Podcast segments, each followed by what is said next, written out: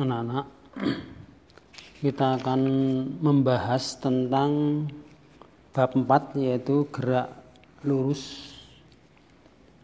Gerak lurus yang pertama akan kita bahas adalah kalian buka halaman 46 halaman 46 yang pertama tentang kedudukan jarak dan perpindahan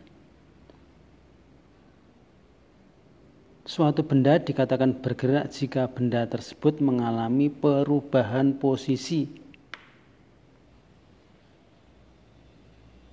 Sedangkan posisi atau kedudukan adalah letak suatu titik terhadap acuan. Misalnya kalau dalam matematika di pusat koordinat kartesius 00.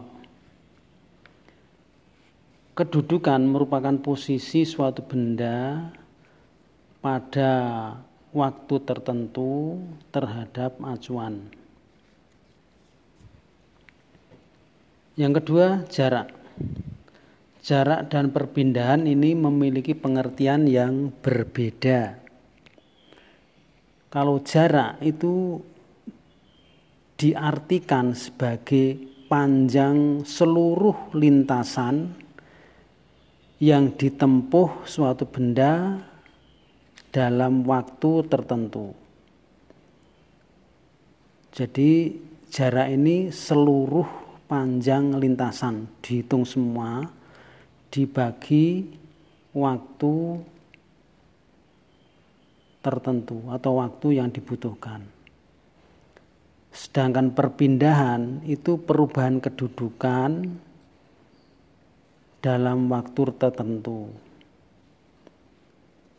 kalau jarak tadi besaran skalar, kalau perpindahan besaran vektor.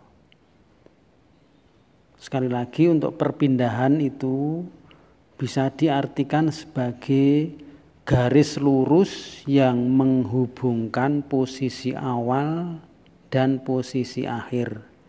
Garis lurus yang menghubungkan posisi awal dan posisi akhir. Itu perpindahan.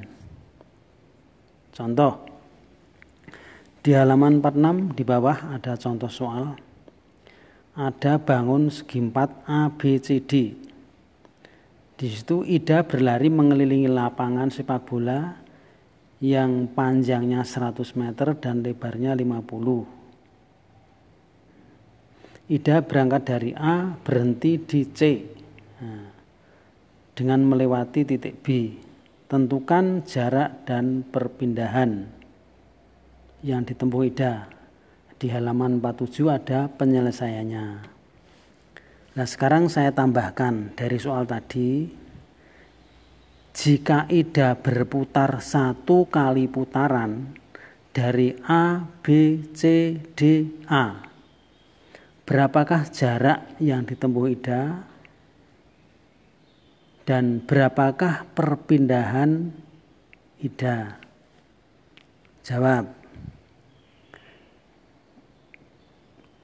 Jika Ida berputar satu kali putaran dari A, B, C, D, maka jarak yang ditempuh Ida adalah 100 tambah 50 tambah 100 tambah 50. Berarti jumlahnya 300 meter. Jarak yang ditempuh 300 meter. Sedangkan perpindahannya berapa? Tadi didefinisi garis lurus yang menghubungkan posisi awal dan posisi akhir. Posisi awal Ida di A. Setelah berputar satu putaran, posisi Ida berada di di A lagi. Berarti perpindahannya tidak pindah karena tadi di A terakhir di A juga. Nah, itu perbedaan antara jarak dan perpindahan.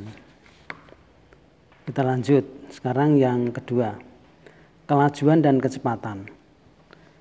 Ini memiliki arti fisik sama yaitu antara laju dan kecepatan itu pengertiannya sama fisis yaitu jarak yang ditempuh tiap satuan waktu. jarak yang ditempuh tiap satuan waktu. Sedangkan kelajuan itu karena nggak ada arah maka termasuk besaran skalar. Sedangkan kecepatan itu besaran vektor.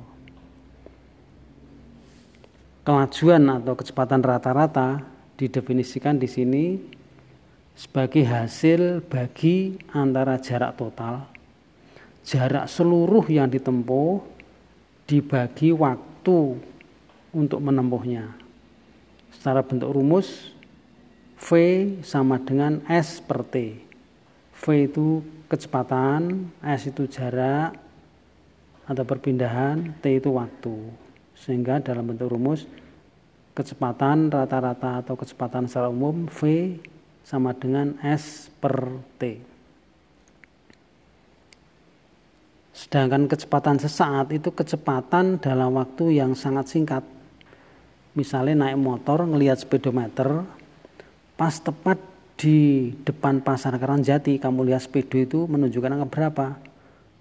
Mungkin pas menunjukkan angka 40, oh berarti kecepatannya adalah 40 meter per jam di speedometer itu. Berarti itu kecepatan sesaat, hanya saat itu aja. Mungkin setelah sampai pom bensin mungkin lebih cepat lagi, atau mungkin nanti di turunan lemah abang itu lebih cepat lagi mungkin sampai 80 atau 90 km per jam. Nah pada saat kita lihat saat itu itulah namanya kecepatan sesaat. Nah, yang ketiga percepatan. Percepatan adalah perubahan kecepatan dalam selang waktu tertentu perubahan kecepatan dalam selang waktu tertentu. Ini merupakan besaran vektor karena percepatan itu ada arahnya seperti kecepatan. Sehingga kalau ke kanan dianggap positif maka jika ke kiri maka negatif.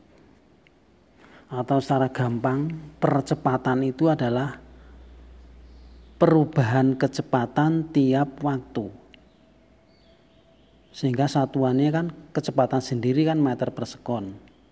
Per waktu per sekon lagi. Maka satuannya secara umum dituliskan meter per sekon kuadrat. Karena kecepatan per waktu. Kecepatan sendiri kecepatannya meter per sekon.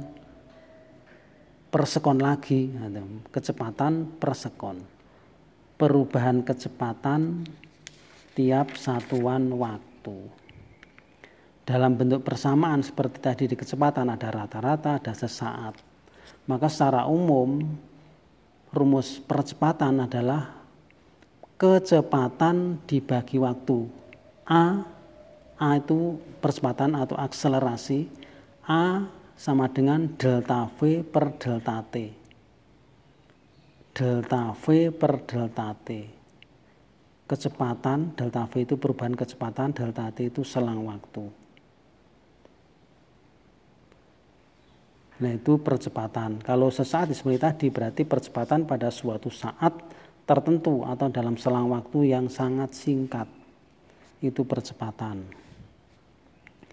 Nah kira-kira demikian untuk sesi yang pertama ini tentang gerak lurus Coba dicoba soal latihan halaman 48 nomor 1 sampai 5. Dicoba soal latihan atau di sini review dan penerapan 1 halaman 48 nomor 1 sampai 5.